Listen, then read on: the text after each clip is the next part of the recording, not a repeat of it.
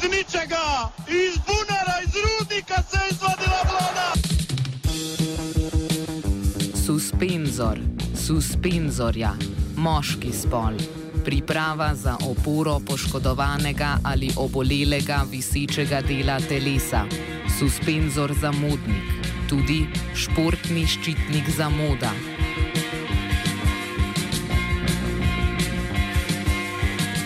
Suspenzor, suspenzorja, moški spol. Nešportna oddaja o športnem in obšportnem na radiju študent. Tudi nešportni ščitnik vsega športnega. Tako je, hvatajte jih na spavanju, to je rešenje.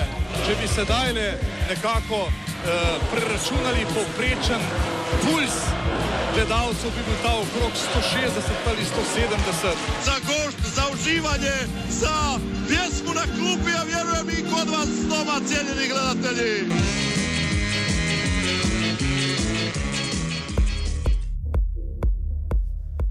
Lepo pozdravljeni in dobrodošli v suspenzorju nešportni oddaji o športu na Radiu Student. Ob nedavni 70. obletnici nastanka Izraela in novem valu nasilja nad palestinci se bomo v tokratni oddaji posvetili vplivom izraelske okupacije palestinskih ozemelj na tamkajšnji šport. Dvoličnost mednarodnega športnega okolja do izraelske politike je obudil nedavni primer kolesarskih etap italijanskega Džira, s težavami pa se zaradi apartheida v vse čas svojega delovanja ubada tudi palestinska nogometna reprezentanca. O obeh temah bomo s sogovorniki spregovorili takoj po suspendiranih novicah. Suspendirane novice.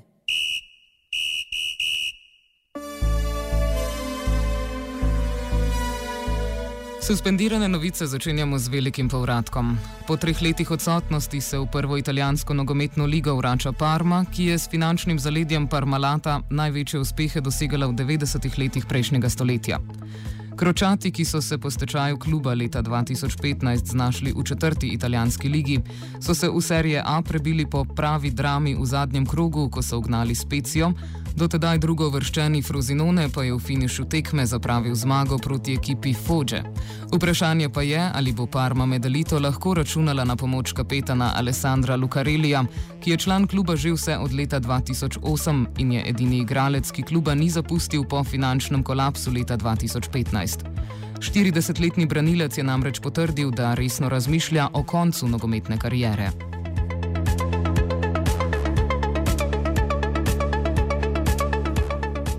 V Nemčiji je Hamburger SV z izpadom v drugo nemško nogometno ligo izgubil status edinega kluba, ki ni nikoli v zgodovini izpadel iz elitne Bundeslige. Hamburg je v sezoni zamenjal tri trenerje, a niti to jim ni pomagalo, da bi si v bitki z Wolfsburgom zagotovili mesto v dodatnih kvalifikacijah za obstanek v ligi. Na zadnji tekmi v sezoni je prišlo tudi do izgredov, ko so nekateri navijači v znak protesta zanetili manjši požar na stadionu in tako prekinili tekmo za več kot 15 minut.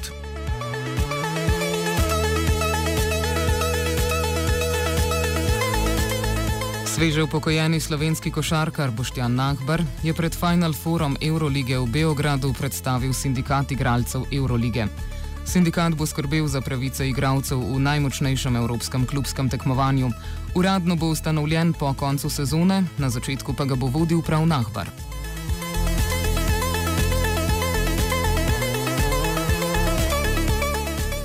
Nahbar je v sodelovanju s Sanjem Bečirovičem napovedal tudi poslovilno tekmo, ki bo 30. augusta v dvorani Stožice. Sodelovanje so zaenkrat potrdila velika imena evropske košarke, kot so denimo Dimitris Diamantidis, Nenad Krstič in Igor Rakočevič. Zgolj upamo lahko, da se nekdanja slovenska reprezentanta ne bosta zgledovala po poslovilni tekmi bivšega soigralca Primoža Bresca in da bosta svoji karieri končala na bolj športen način.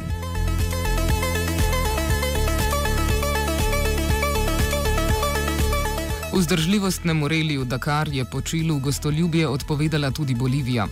Med pristojnimi bolivijskimi ministrstvi in organizatorji ni prišlo do dogovora zaradi zapletov pri financiranju. Posledično je bila že najavljena prestavitev trase relija za naslednje leto, ki ga od leta 2009 gosti Južna Amerika, saj imajo organizatorji trenutno podpisan dogovor samo s Perujem. Reli, poimenovan po senegalski prestolnici, je v Afriki bil na zadnje leta 2007. Prek oceana pa so ga preselile skrbi o varnosti sodelujočih v Mauretaniji.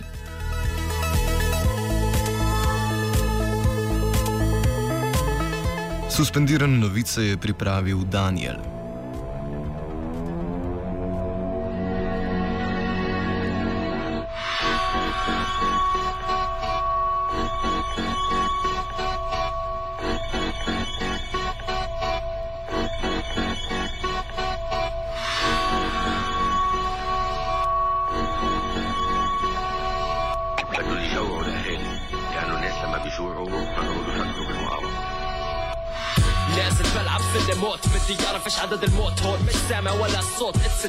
التليفون اسأل لأنه ولا حد سائل سواء سياسي أو دبلوماسي. قاعدين على الكراسي وبتحدثوا. بروحوا بحطوا روسهم وبتمددوا. والبيوت في لبنان وغزة عم بتهدبوا. إجا الوقت نرفع بابوس لكل العالم. لأنه راح يضلوا يحكوا عمره ما حيعمل فإيش؟ بدنا نضل نقنع ونستنى. بتمنى. بس على الفاضي من زمان نسيوا عنا. صعب تمسك حالك لما تشوف قدامك اللي قامك واللي شالك. مش مستغرب إذا افكار جهنمية عم بتدور في بالك. نازل بتنادي على الدنيا بس الدنيا نامت. وحتى إذا قامت ما حتسمع كلامك. ما حتسمع كلامه هون يوم معاك مية عليك حواجز حواليك كلبشات على إيديك. قولي شو سويت؟ ما بدي فوت في الحيط. يا ريت بس أنا فايت هيك هيك حياتي. عجب بس كليت وهلا فلت الجنزير إجا الوقت ادعس بنزين الزين ابدا الشدة ابدا من حكي لكل النواحي لأنه كلماتي سلاحي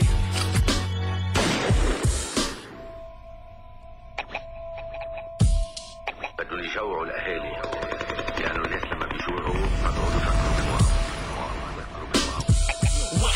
اثنين اثنين ثلاثة ثلاثة عم يدفونا هذا ننزل على الملاجئ قبل ما يشوفونا بيقصفونا وين ما رحنا بس حياتهم ما بتخونا صامدون لاخر لحظة صواريخكم صابونا ورؤساء العرب سعبونا دركونا وهربوا لعند عدونا لانهم ما قدروا يعدونا وعدونا في المستقبل بس شوف لوين جابونا 2007 عالم تمشي دغري وإحنا فجرونا جوعونا بدهم ينسونا قعدنا سنين نبني واجوا فجأة هيك هدونا هددونا وخوفونا بالديمقراطية سممونا حتى نعيش طبيعية ما خلونا. حطونا. خط النار ونسفونا دمرونا نشفونا دمنا. كل هادو لسه ما خلصونا من همنا.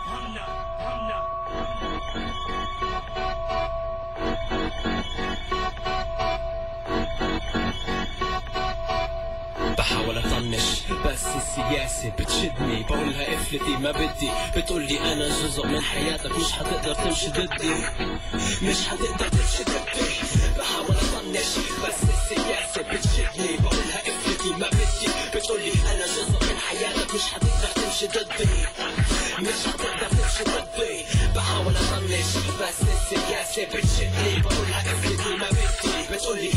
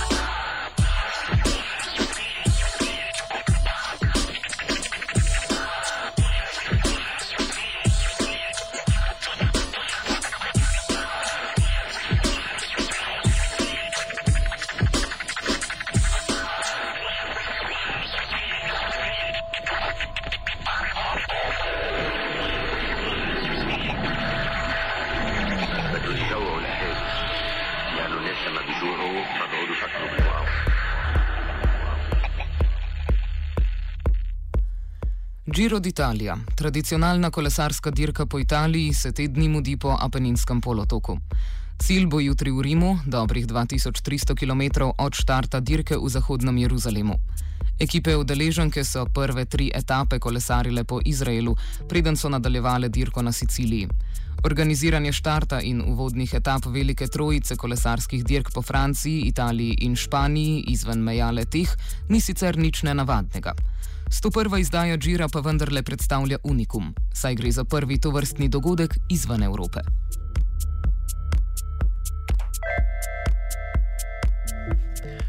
Objava novice, da bo domačin uvodnih etap Izrael, je dvignila marsikatero obrv, odločitev pa je bila kakopak finančne narave.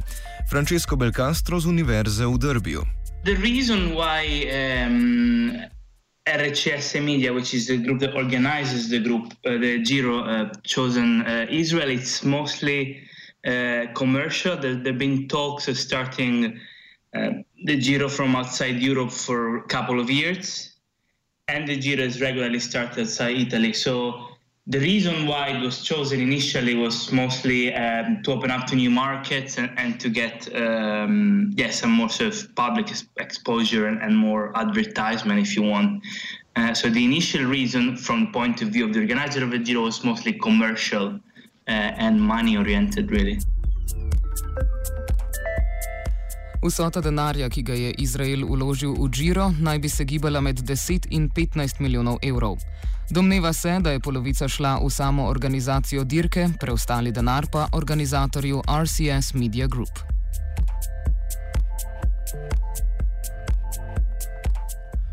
Stefani, aktivistka palestinske kampanje za akademski in kulturni bojkot Izraela, ki deluje v okviru organizacije BDS, bojkot, dezinvesticije, sankcije, predstavi Silvana Adamsa, človeka, ki je najbolj zaslužen za ta politično-športni uspeh Izraela. This was all the idea of um, a Canadian um, who recently moved to Israel a few years ago. Um, he's a cyclist. and he's also a billionaire. And he decided that it was his goal in life to create an Israeli cycling team and to move to have the the start of the Giro d'Italia in Israel. Um, and he's quite frank about uh, saying that this was to show another side, what he calls normal Israel. So to take the attention off Israel's human rights violations, and um, and we know that the Giro d'Italia is also it's it's like a traveling postcard. Um, uh, so it's used to promote tourism in, in Italy, and it, uh, it was used to promote tourism uh, in in Israel, and sponsored by the Israeli Tourism Ministry. So this was something that um, uh, this billionaire had been working on for for quite some time, meeting with. Uh, uh, with the Italian organizers and convinced them, um, and it's something that you know the the amount of money that was paid. It's something that uh, Italian towns and cities wouldn't be able to to pay that much money. So it's something that uh, was definitely commercial interest to the to the Giro organizers.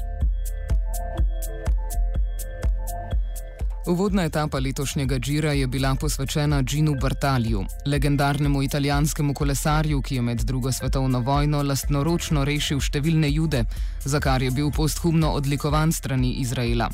Belcastro opozarja, da gre pri celotnem spektaklu le za poskus normalizacije okupacije in nasilja Izraela nad palestinci, kot je najbolj očitno iz primera Jeruzalem. The organizers um, consulted the Italian Minister of Foreign Affairs, um, which told them about the division between West and East Jerusalem and, and told them to adopt, uh, um, yeah, to adopt this division essentially. Um, so when the program came out, and I might be wrong, but I think we're talking about November, um, it referred to you know the division of the city, uh, which is what which is what international law really accepts.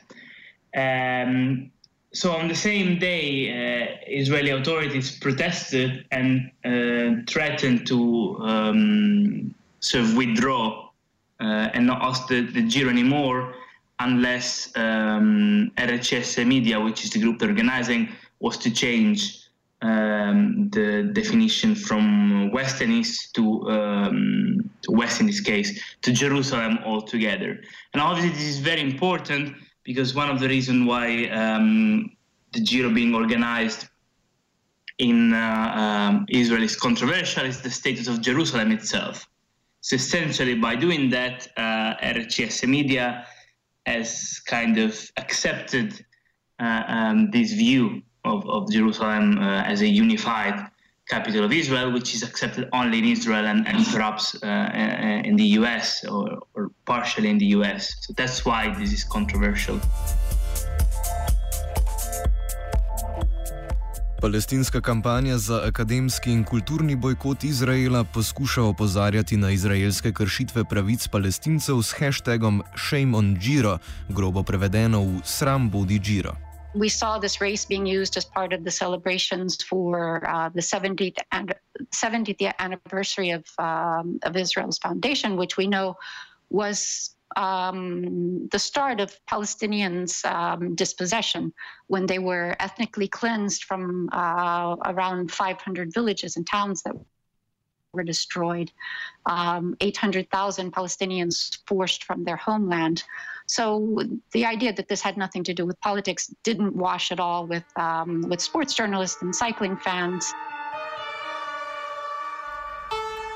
Kot pravi Stefani, so bili nepresenetljivo neuspešni pri prepričevanju organizatorjev k premestitvi uvodnih etap, kampanjo pa kljub temu označuje za uspeh. We've seen on the stages throughout Italy, um, there have been at least tw- over 25 cities and towns that have protested against the, the Giro as it makes its way from the south to the north in Italy. And those protests will continue until it arrives in Rome this Sunday.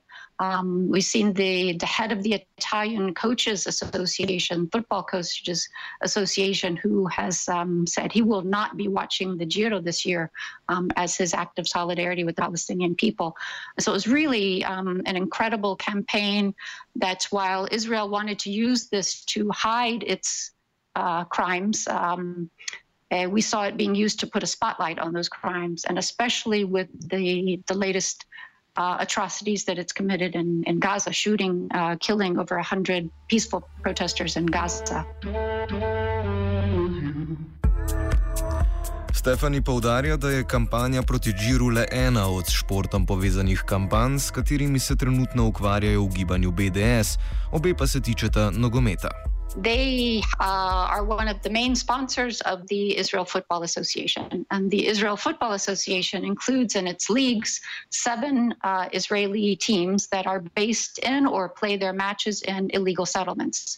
And so these are uh, the settlements created by Israel on Palestinian land they are considered a war crime under international law. Um, they push Palestinian families off their land. They limit Palestinian movement. Uh, they deny Palestinians access to resources and water. So they're part of the, um, they're very central to Israel's uh, denial of Palestinian rights.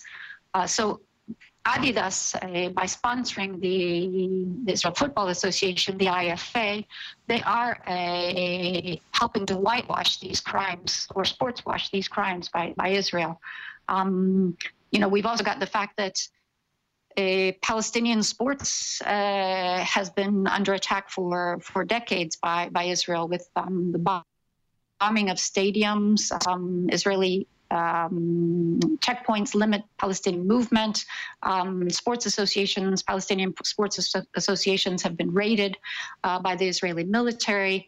Uh, footballers have been shot in their legs and, and ending their careers. Um, many athletes have been imprisoned. You remember Mahmoud Sarsak, who went on a um, a prolonged hunger strike uh, while he was being held unjustly in, uh, in Israeli jails, uh, famous footballer in Palestine. Uh, so we're we're calling on Adidas to end this sponsorship, um, to to avoid their involvement in um, in Israeli crimes. Uh, the call was launched from over 130 Palestinian football clubs. Uh, so they're calling on Adidas uh, to withdraw this sponsorship.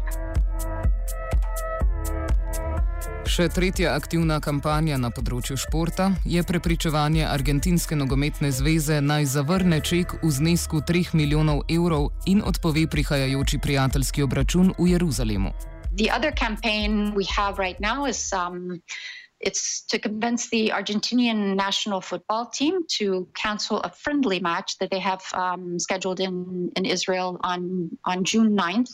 Uh, just just before they travel to um, to Russia for the for the World Cup. So this is a, a, friendly match. We've launched a campaign that there's nothing friendly about what uh, Israel is doing to Palestinians. Um, this has had a, a really um, a huge outpouring of support for this campaign as well on social media.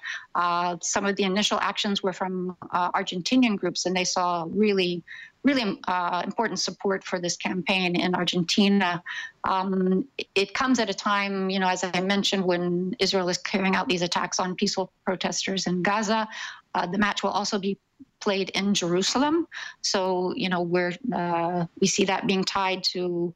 Uh, Israel's um, increasing claims of sovereignty over uh, over Jerusalem, and uh, you know, it's uh, the opening of the Israeli, the U.S. embassy uh, in Jerusalem the other day is going to forever be associated with those images of uh, of over 60 Palestinian protesters being killed by by Israel in, just on that one day. So we're really calling on on Argentina to to rethink this decision. Um, here again, they're being paid millions of dollars. Um, we've read three million dollars for the team to play this friendly match. Um, Israel is is spending this money because they they want to use these uh, these occasions to promote their uh, their image in the world but it's really something that uh, is an affront to, to everyone who loves football, the, the beautiful game.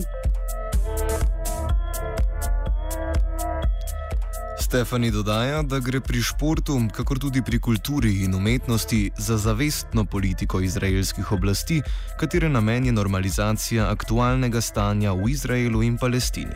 It's definitely part of um, an Israeli government um, uh, program um, called Brand Israel, uh, where Israel has been using for years the idea of um, sports, cultural, academic uh, events to to try to um, to build ties with other countries, to build uh, to create this idea of, of um, a, of um, a, a democratic, progressive country uh, that's part of you know the the art scenes and the sports world and so forth. So it's definitely part of this, um, and this is something that uh, has been going on for for quite a number of years, um, and we've seen an uptick just lately in the the number of sports.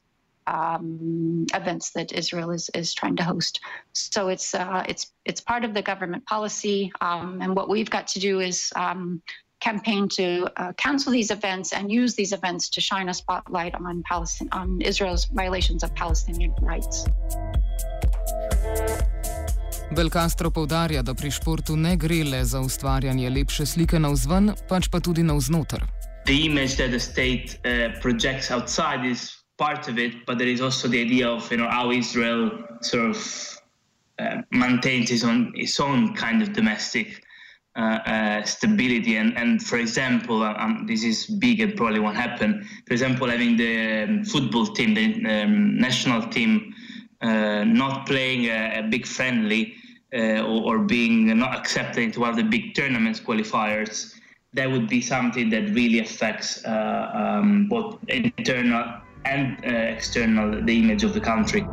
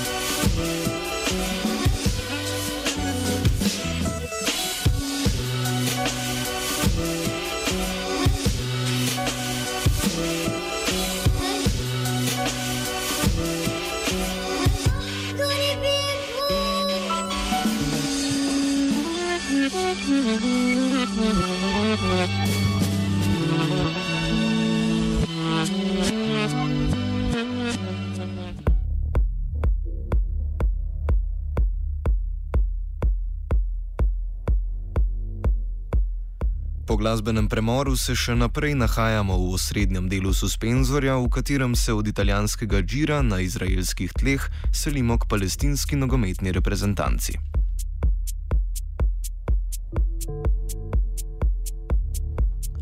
Za razliko od Izraela, ki se je leta 1994 iz političnih razlogov priključil Evropski nogometni zvezi, je palestinski nogomet del azijske nogometne družine.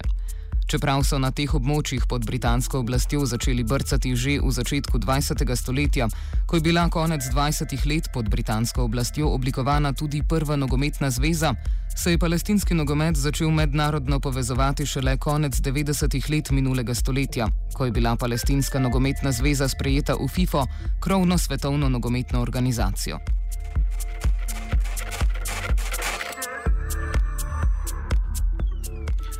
Klubi združeni v Palestinski nogometni zvezi zaradi ozemeljske razdeljenosti palestinskih ozemelj formalno nastopajo v dveh ločenih tekmovalnih ligah. Tista v Gazi, kjer je bil pred leti v izraelskih napadih uničen tudi nacionalni stadion, se zaradi tamkajšnjih političnih razmer srečuje s precejšnjimi težavami in ne poteka kontinuirano, s prekinitvami pa se srečuje tudi sicer kvalitetnejša in številčnejša liga na Zahodnem bregu. Zmagovalec slednje se vsako leto poteguje za vstop v azijsko različico lige prvakov. Jaka Ibejše, v Sloveniji rojeni reprezentant Palestine. V zadnjih letih je najmočnejši klub Hilal Al-Quds. Oni igrajo um, na stadionu Al-Ram, to je blizu Ramale, to je stadion, kjer tudi kjer reprezentanca igra svoje tekme. Oni so najuspešnejši, um, posledično kot prvak, potem igrajo v kvalifikacijah za, za Azijsko ligo. Ne, to nekako Azija ima isto kot Evropa, pač Ligo prvakov, Ligo Evropa, sam da se imenuje druga. Se pravi, um, če se uvrstijo v tekmovanje, se uvrstijo v drugi rang. To je primerljivo z našo Ligo Evropa. No? Um, letos so na zadnjem predkolu izpadali, um, prejšnje leto so se pa uvrstili celo v skupinski del. In, um, tako da oni so v zadnjih letih no, nekako najmočnejši klub, potem sta pa še dva kluba iz Hebrona, tudi zelo dobra, um, z Ramale eden. Mislim, klubo je kar neki v ligi, no? um, tako da liga sploh ni slaba. Je pa mal čuden format, no? nekako se nekega razporeda se ne upošteva zdaj do potankosti. Tako kot sem rekel, liga se kar prekine. Mal pred FIFA termini, da reprezentante poberijo, da imajo z njimi kemp, včasih pride kakšna politična zadeva, pa se tekma ne odigra, pa se odigra kasneje. Se srečujejo z dosta težavami, še posebej s potovanji iz stadiona na stadion. Um, da, ampak na koncu vedno liga se spelje, um, liga je kvalitetna. Um, tako da, ja, no, nimam kaj stvari. Ja, mislim, ja, je verjetno tukaj v tej ligi samo domači domačini, palestinci. Ja, v ligi, ja. v ligi pa, ja, v ligi pa samo domačini. No. Liga ni ja. privlačna um, za neke tujce. No. Moče še to, če imaš podatek, oziroma kako recimo to financira te klube, tukaj pri nas, nek privatni kapital, neki ljudje, ki imajo pač dosti in to vlagajo v šport, ali poteka recimo z strani države oziroma eh, neki, z neki vladne strani.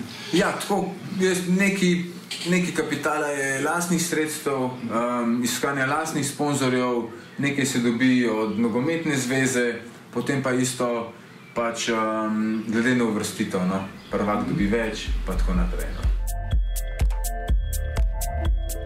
Iz palestinskih klubov, predvsem tistih, ki nastopajo v tako imenovani Premier Ligi Zahodnega brega, prihaja večina članov palestinske nogometne reprezentance.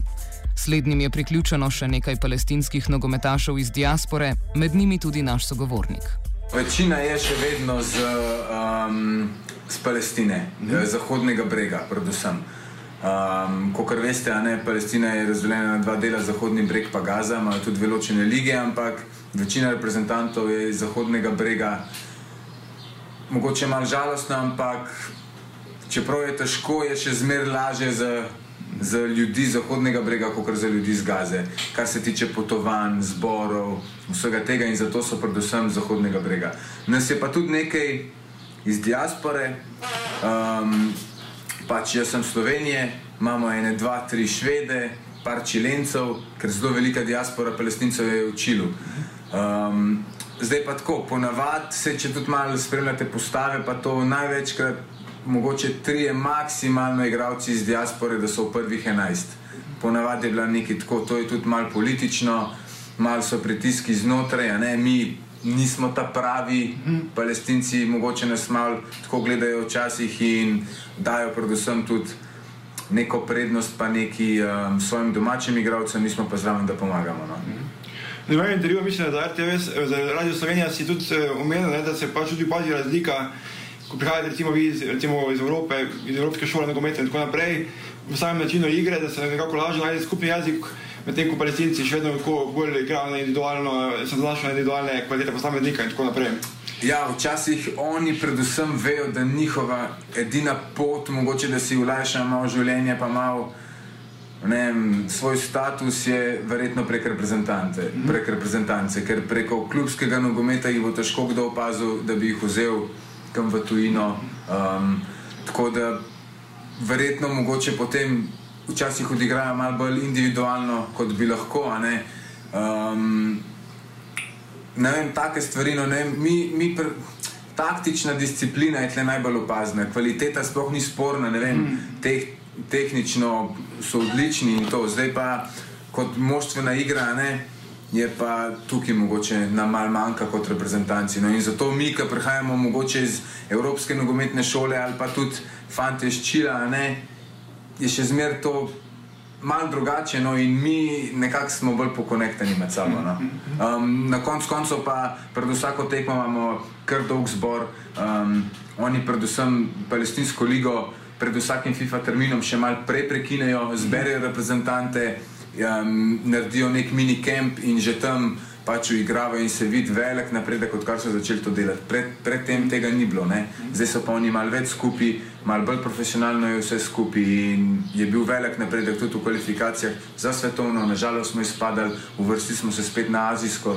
Um, naslednje leto, januarja, v Emiratih, tako da res kar z velikimi koraki gremo naprej. Kadar Palestina gostuje, se reprezentanca večkrat zbere v tujini, sicer se pa na tekme pripravljajo na Zahodnem bregu.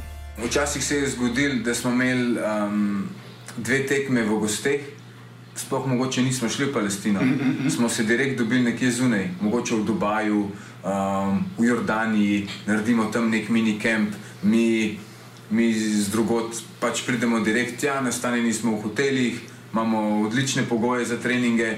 Um, še posebej zato, ker v Palestini ni naravnih igrišč, so vsa igrišča z umetno travo, um, ostale reprezentance, vre, mislim, večinoma vse igrajo na naravni travi in kadar igramo v gosteh, nam tudi bolj paše, da imamo kamp nekaj zunaj, ker tudi mi treniramo na naravni travi, se s tem prilagodimo in je bolj posledično vse lažje.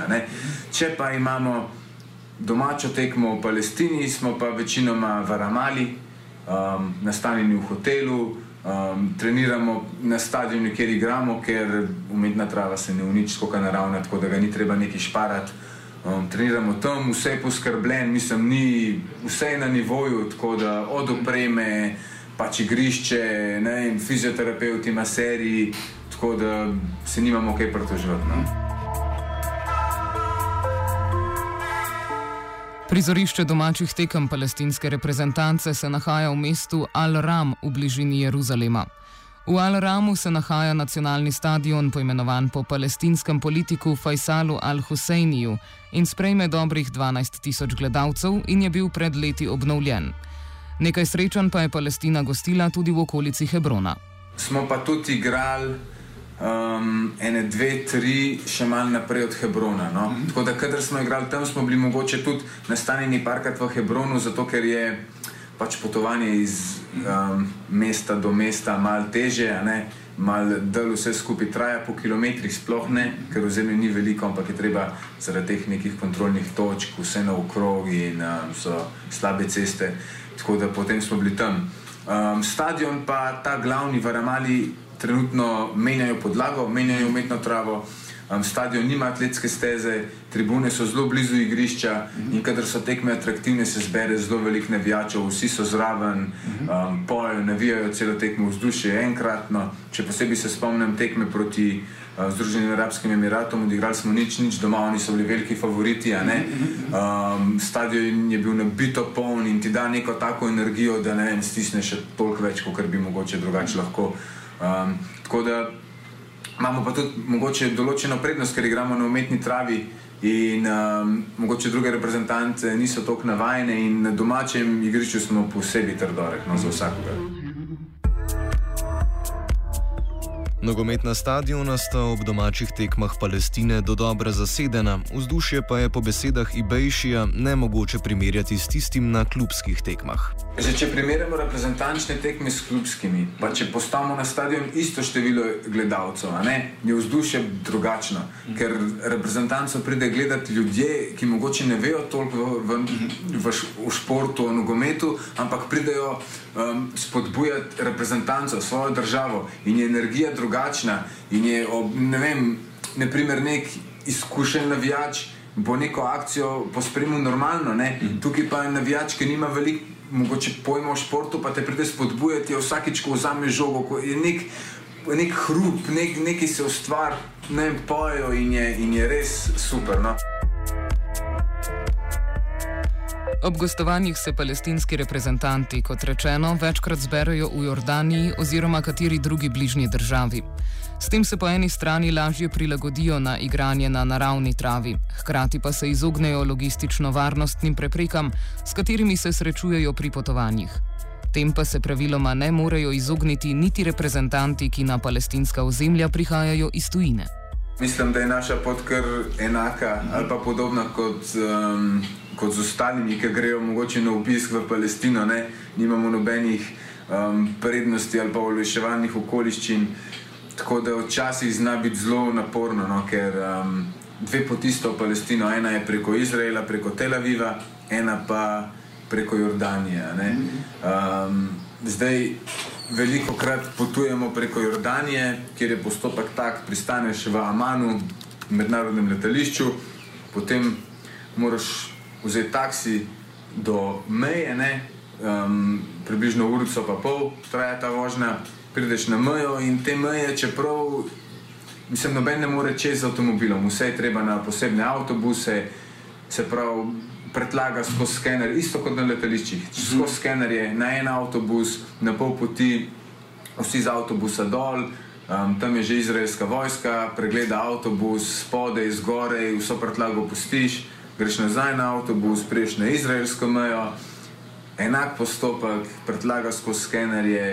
Um, Pregled pasušov, dobiš neko nalepko, jaz nikoli ne vem, kaj pomeni, ampak na koncu oni vejo in te dajo mogoče malo na stran, ponavadi je um, po, ponavadno, ne skrdajo malo na stran, malo zaslišijo, kam greste, zakaj greste, kako to, v bistvu imajo vse podatke že v računalnikih, ker to, kar potujemo, ampak postopek je vedno enak. Potem pa ti rečejo, prosim, počakajte, varnostna služba bo pregledala vaš pasuš, to pa lahko traja 4, 5, 6 ur, čakaš, drugega ti ne preostane. Um, na koncu so nas vedno spustili, čez, obstaja pa tudi možnost, da nas ne bi, no? mhm. -huh. da te na meji zavrnejo. Veliko je bilo primerov, jaz sem pač čakal, pride neka družina iz Amerike, um, čakajo 5-6 ur in jim vrnejo potne liste, pa pravijo, nimate um, pravice vstopa in njim, njim preostane drugega, kot da se obrnejo in grejo nazaj.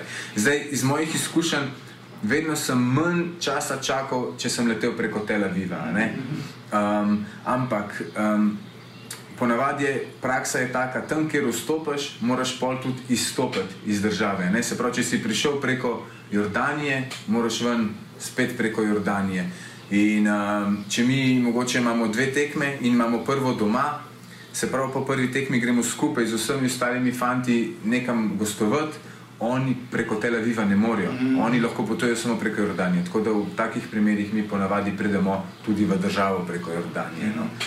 Mm. Um, tako da je ja, kar, kar veliko nekih problemov, pot traja zelo dolgo, zelo smo utrujeni, zdaj si pa pač ne vem, kako si pa lahko predstavljate, ampak igraš mednarodno tekmo, moraš biti počit, veliki na kocki, uvrstitev na azijsko svetovno prvenstvo, ti pa dva dni pred tekmo potuješ, mislim, noro. No? Um, Verjetno pa vseeno pač ta želja oziroma volja po igranju reprezentancev prevaga vse te veliko težke količine in verjetno ni nekometaša, ki bi ga recimo te stvari odvrnili, da potem ne bi več na sopo reprezentancev. Da, če sem čisti iskren, ne, vedno ko se mi to dogaja, pridem nazaj, res zmatran. Mislim, že tako je malo časovne razlike, če gremo še kam drugam. Potem še vse vse te okoliščine, pač prečkanja mej in pridem nazaj in si rečem, ma kaj mi je to treba, ne bom več. Ampak pol, ki se malo spočiješ, ki se umiriš, ne, je toliko več pozitivnih stvari, da pač greš spet in spet in, in ne vem, se mi tudi zdi, ne bom. Ko bom se odločil, da ne bom več igral za reprezentanco, bo to moja odločitev, ne bo to zaradi tega, ker mi Izraelci delajo težave ali pa moram zaradi njih čakati, pa to, no, tako da tega jim pa ne bom postavil. Vseh domačih tekem Palestina ni odigrala na palestinskem ozemlju. Zaradi političnega spora z Izraelom je Saudova Arabija v kvalifikacijah za prihajajoče svetovno prvenstvo zahtevala, da gostujoče srečanje s Palestino odigra na neutralnem terenu. Zahtevi se je na to pridružila še Malezija, tekmi pa sta bili odigrani v jordanskem Amanu, kjer pa je bila Palestina prav tako deležna številčne podpore. Bila je situacija, kjer je bil um, žreb za skupin za svetovno prvenstvo. In mi bi mogli že prvo tekmo Saudsko Arabijo igrati doma.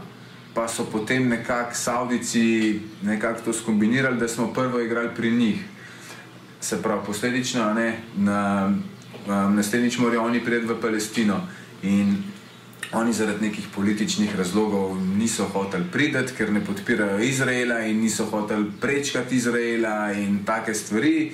In jaz mislim, da je to pol prišlo so tako daleč, da sta se predsednika držav nekako dogovorila, da se tekma odigra na, na mednarodnem prizorišču.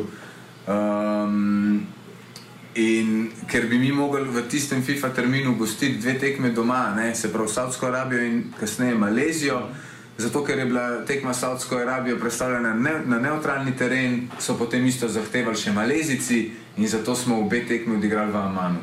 Je pa, je pa dobra stvar, da je v Amanu toliko priseljencev iz Palestine, da da je bilo, kot da igramo v Palestini. Res, stadion je večji kot v Palestini, bil je poln in spet enkrat na vzdušje, tako da mi smo se počutili kot doma. No. Ni pa isto. No. Mhm. Pravi, da so vas samo te dve tekmi, obe ste igrali, potem v Amanu, niste se drugam selili. Ne, obe smo ja. igrali v Amanu, to sta pa tudi edine tekme, odkar sem jaz reprezentanco, da smo igrali na neutralnem terenu. No. Pa še to zaradi Saudicov, vsi ostali so prišli v Palestino. No. Na letošnji mundial v Rusiji se Palestini ni uspelo uvrstiti, so se pa leta 2015 udeležili azijskega pokala, ki ga je tega leta gostila Avstralija. Čeprav se jim ni uspelo prebiti iz skupinskega dela, pa bo Jaki Ibejšiju v spominu ostala močna podpora gledalcev in zgodovinski prvi gol, ki ga je za Palestino dosegel na tem tekmovanju. Močna, močna podpora, čutili smo jo na vsakem koraku, se pravi, mi smo bili nekako od vsakega navijača druga reprezentanca. Najprej navijo za svojo, pol pa za nas. No. Mm. Tako da um, rezultatsko nam res nekako ni stekel, no, um, podpora je bila pa neverjetna in na koncu smo mi. Nismo veliko dosegali na igrišču, smo pa veliko dosegali mogoče v prepoznavnosti Palestine. Mm -hmm. tako. tako da na Azijsko zdaj, um, januarja pa odhajamo z malo drugačno željo, no? tudi kaj pokazati v športnem svetu. Da se tudi prebijete skupine. Tako je. Ja. No, zdaj, je bil pa zdaj, zdaj zgodovinski ta prvenstvo, zato ker si dosegel pač ta zgodovinski prvi gol za Palestino. E, mogoče kako se te recimo, se te recimo na podlagi tega drugače, da ima recimo v Palestini te prepoznajo zdaj recimo kot reprezentanta, če možeš kaj slediš medije, ko si tam, tako si izpostavljen. Mislim, zdaj, kako, kako recimo tudi mediji pa spremljajo recimo nogometno. Nenormalno, no? jaz si nisem mislil, da je to, ampak je najbolj nogomet je tako, tako najbolj popularen šport na svetu. Mm. Um, še posebej pol v Palestini, kjer se veliko preko športa mogoče ni prvo, ampak veliko političnih stvari se tudi preko športa dela danes, in, um, in, in je velika medijska podpora, veliko novinarjev, medijskih hiš, prenašajo se tekme in njihove lige po televiziji, reprezentanca sploh.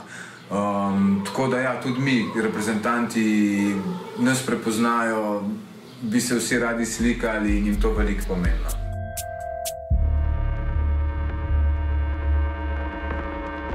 Suspenzor sta pripravila Marcen in Anun, brala sva, tehniciral je.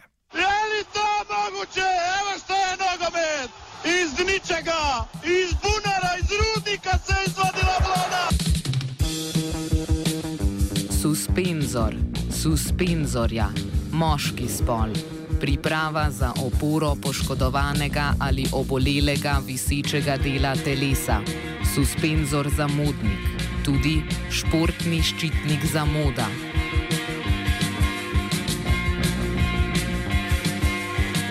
Suspenzor suspenzorja, moški spol, nešportna oddaja o športnem in obšportnem na Radiu Student, tudi nešportni ščitnik vsega športnega. Tako je, hvatajte jih na spavanju, to je rešenje. Če bi sedaj nekako eh, preračunali povprečen puls gledalcev bi bil ta okrog 160 ali 170. Za gošt, za uživanje, za pjesmu na klupi, a vjerujem i kod vas doma, cijenjeni gledatelji.